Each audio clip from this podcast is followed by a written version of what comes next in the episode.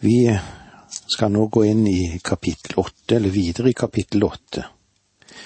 Og eh, vi har sett litt på den modne frukt. Og vær mer skjørt hvis vi ser på sommerfrukten, men den er òg høstet inn. Den er så deilig, den er så forfriskende. Men sommerfrukten, hva med den, den råtner jo så fort. For Amos var dette et symbol på hvor raskt ødeleggelsen vil ramme et folk som gjorde opprør mot Gud. Slutten, den var kommet. Gud ville ikke lenger bære over med dem. Når høsten er der, da blir det et uunngåelig skille mellom det gode og det vonde, eller det dårlige. Den herskende klasse, de var skyldige i enorme forbrytelser. Ettersom de var så ivrige etter å røke sin rikdom, hva skjer da? Da har de ikke tid til Gud. De gremmet seg når de måtte holde butikken stengt en dag. De nølte ikke med å forminske evaen eller målet, og de krevde betalt av kundene sine. Dette var forbrytelser som ikke kunne overses og det er denne forferdelige dom som Gud sier, jeg skal aldri glemme. Angriperne de ville strømme inn i landet som en flom, ettersom folket ville høre på de budbærere som Gud sendte til dem, så måtte de gå i fangenskap. Det skulle bli en stor hungersnød etter Guds ord. Traktet etter Guds ord.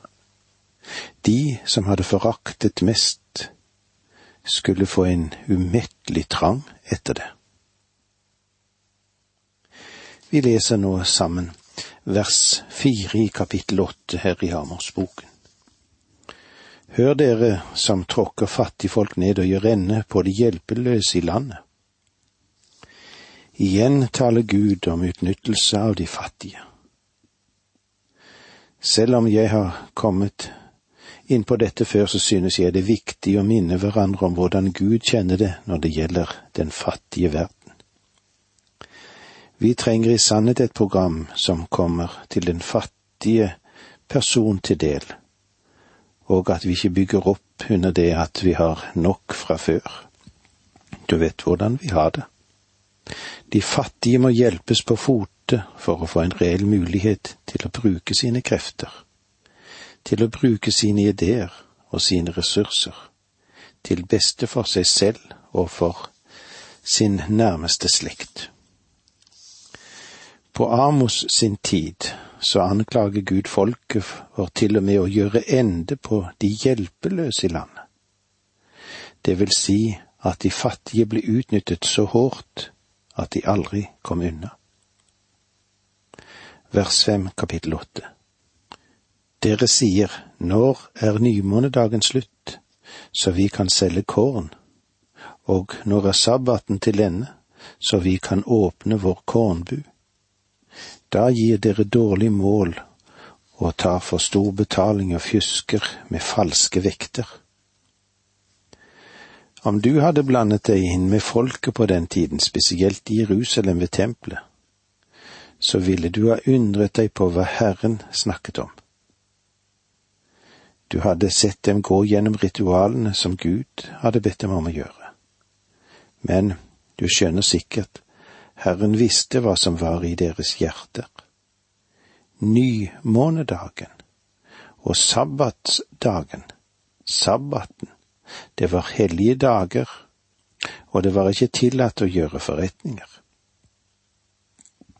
Gud sier at til og med når de rike gikk til tempelet for å lovprise Gud, så var også grådigheten der, og pengebegjæret fylte deres sinn, og de tenkte hele tiden på forretningen som skulle være neste dag, og hvordan de kunne karre til seg mer og mer penger gjennom det å lure sine kunder.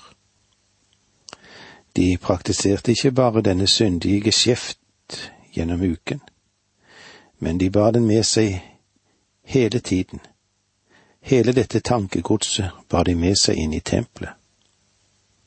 Hvilket bilde dette gir oss av Israel på den tid. Ja, på den tid var Israel slik.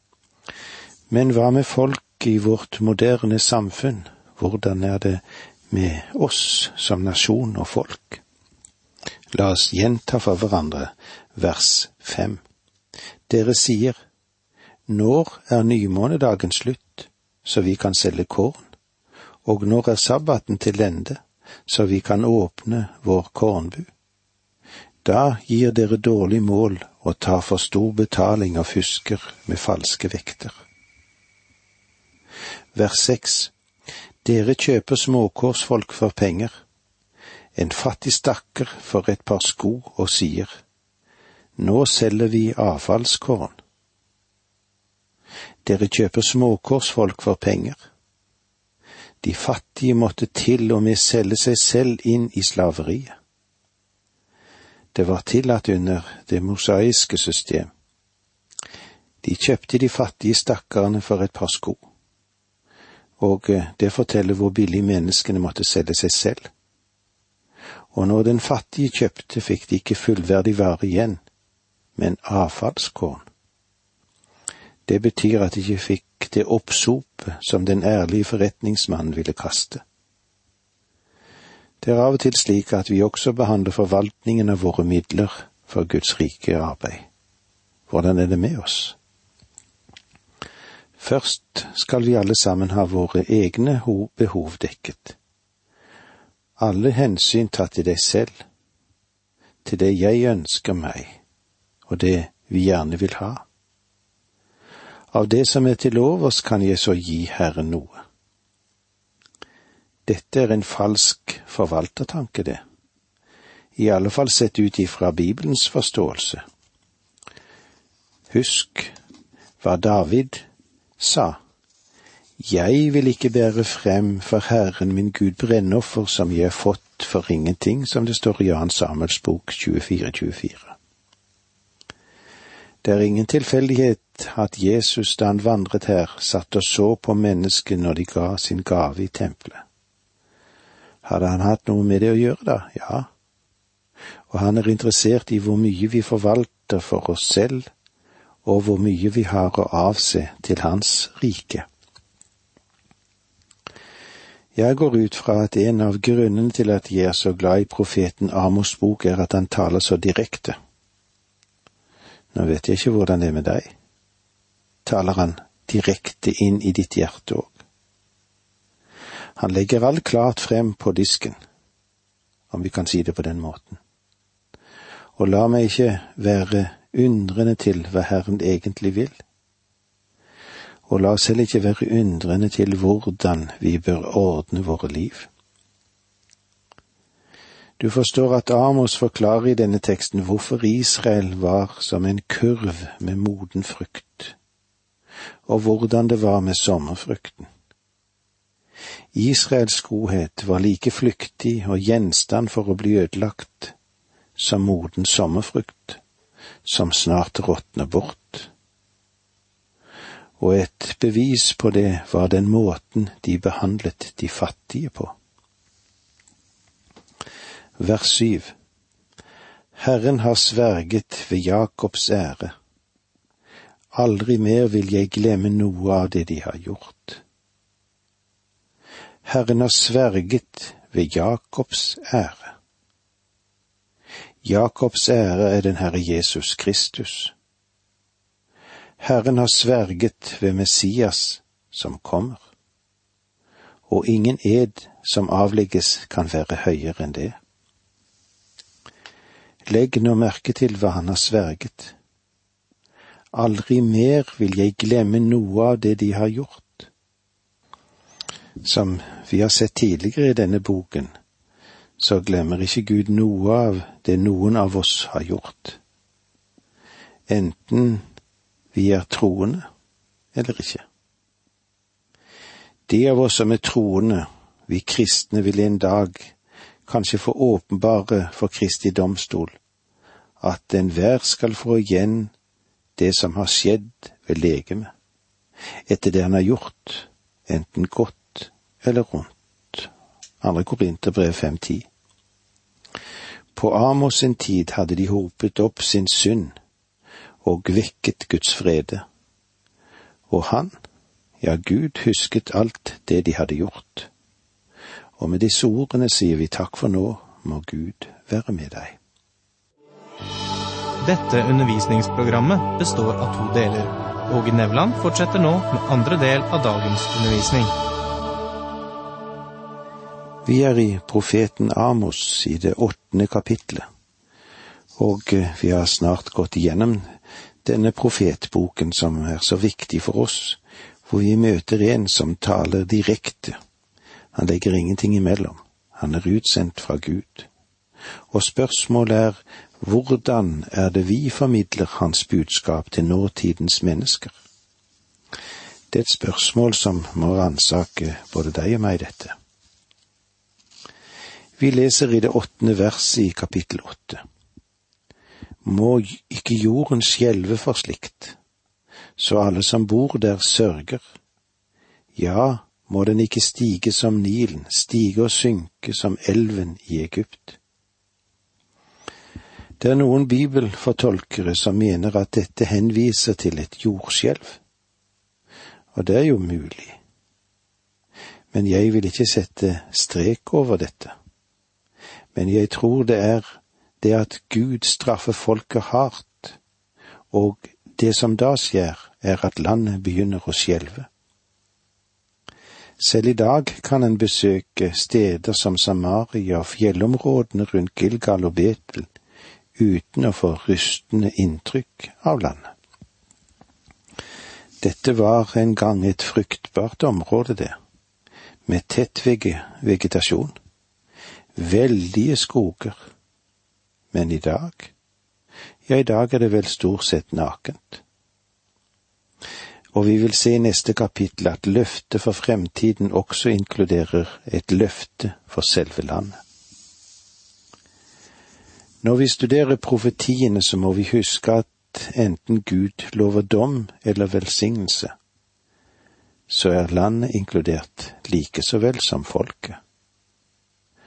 Og det er en av årsakene at jeg vanskelig kan ak akseptere ideen om at Bibelens profetier er fullbyrdet når bare jødene vender tilbake til landet. Selv om de fysisk har vendt tilbake, så har de ennå ikke åndelig vendt om til Herren. Og jeg synes at det er åpenbart at Guds velsignelse ennå ikke hviler over landet i fullt monn.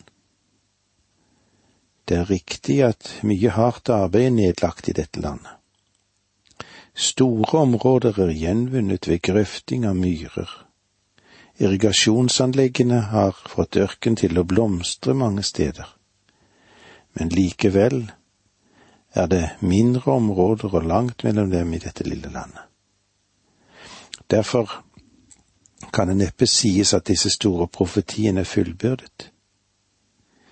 Israels endelige tilbakevending til landet venter vi ennå på. Og la oss huske på at det er flere jøder rundt omkring i hele verden enn hva det er i Israel, og det bør jo fortelle oss noe vers 9 kapittel 8. På den dagen skal det skje, lyder ordet fra Herren Gud. Jeg lar solen gå ned ved middagstid, gjør jorden mørk ved høylys dag. Her taler Amos om den dagen som vi allerede har sett et teknisk uttrykk for som henviser til Herrens dag og generelt sett henviser dette uttrykket til den store trengsel fordi den kommer først. Dagen begynner ved nattetid med det som har med Israel å gjøre. Amos knytter nå sammen flere profetier som angår den nære fremtid, og også den langsiktige fremtid. Herrens dag er ennå ikke kommet, Solen er ennå ikke gått ned ved middagstid, og jorden er heller ikke blitt mørk ved høylys dag. Da Amos skrev dette, lå dette ennå langt, langt fremme i tid. Men nå vender han seg til den mer umiddelbare fremtid for Israel. Og vi leser i det tiende verset kapittel åtte. De festene dere feirer, gjør jeg om til sørgehøytid, og alle visene til klagesang. Jeg legger sørgeklær om alle lender og la hvert hode rakes glatt. Jeg volder slik sorg som når en sørger over sin eneste sønn, og enden skal bli som en ulykkesdag. De festene dere feirer, gjør jeg om til sørgehøytid. Gud ga Israel flere fester. Mennene i Israel hadde ansvar for å komme for Herrens åsyn ved tre av disse festanleggene. De skulle komme dit med glede. Det skulle være en tid med lovprisning, med takksigelse og herliggjøring av Gud. Nå sier Gud at siden de har feiret sine fester, men ikke har gitt ham ære, så vil han vende deres fester om til sørgehøytider. De vil altså bli det motsatte av det Herren hadde tenkt at det skulle være. Og alle visene til klagesang. Når Guds dom faller på dem, er det ikke lenger plass til sang. Ikke mer glede, bare klage. Jeg volder slik som når en sørger over sin eneste sønn, og enden skal bli som en ulykkesdag. Sørgeklær om alle lender og hoder som rakes glatte tegn på den dypeste sorg. Dette ble bokstavelig talt fullbyrdet i dommen som nettopp ventet på det. Vers 11 Se, dager skal komme, lyder ordet fra Herren Gud, da jeg sender hunger i landet. Ikke hunger etter brød eller tørst etter vann, men etter å høre Herrens ord. Her får vi altså klart for oss at det er en merkelig form for hungersituasjon. Gud har gitt dem sitt ord, og de har vraket det. De har foraktet det og vendt seg bort fra det. Nå sier Gud til dem at det kommer en tid da de ikke lenger skal ha det privilegium å få høre Hans ord.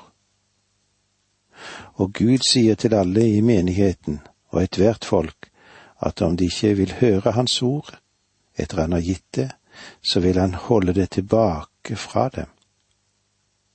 Og det kommer da en hunger etter Guds ord. Mennesket merker at det er noe som mangler.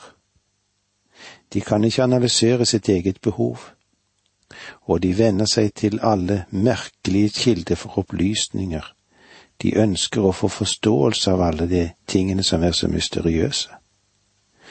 Det går ut over menneskesinnet, det. Men eh, mange skjønner ikke at det er Guds ord de er i behov av. Ikke de tomme mysteriene som er, eller de merkelige foreteelser som oppstår. Jeg undrer meg av og til på hvor mye av Guds ord som slår igjennom i landet vårt i dag. Hva tror nå du? Det finnes en Gideon-bibel på nesten hvert rom i hotellene rundt omkring i landet vårt, og kanskje på motellene òg. Nesten alle eier jo en bibel. Men hvem er det som studerer Bibelen? Hvem er det som leser i Bibelen? Hvem er det som tror på Bibelen? Jeg tror vi begynner å se i alle fall en viss tendens etter Guds ord i dette landet. Og så må vi be om at Gud må få komme til og gripe fatt i folket. I vers tolv leser vi slik. De skal flakke omkring fra hav til hav, streife om fra nord til øst og søke etter Herrens ord, men de skal ikke finne det. Frustrerte mennesker vil vandre fra hav til hav for å søke Guds ord, men skal ikke finne det.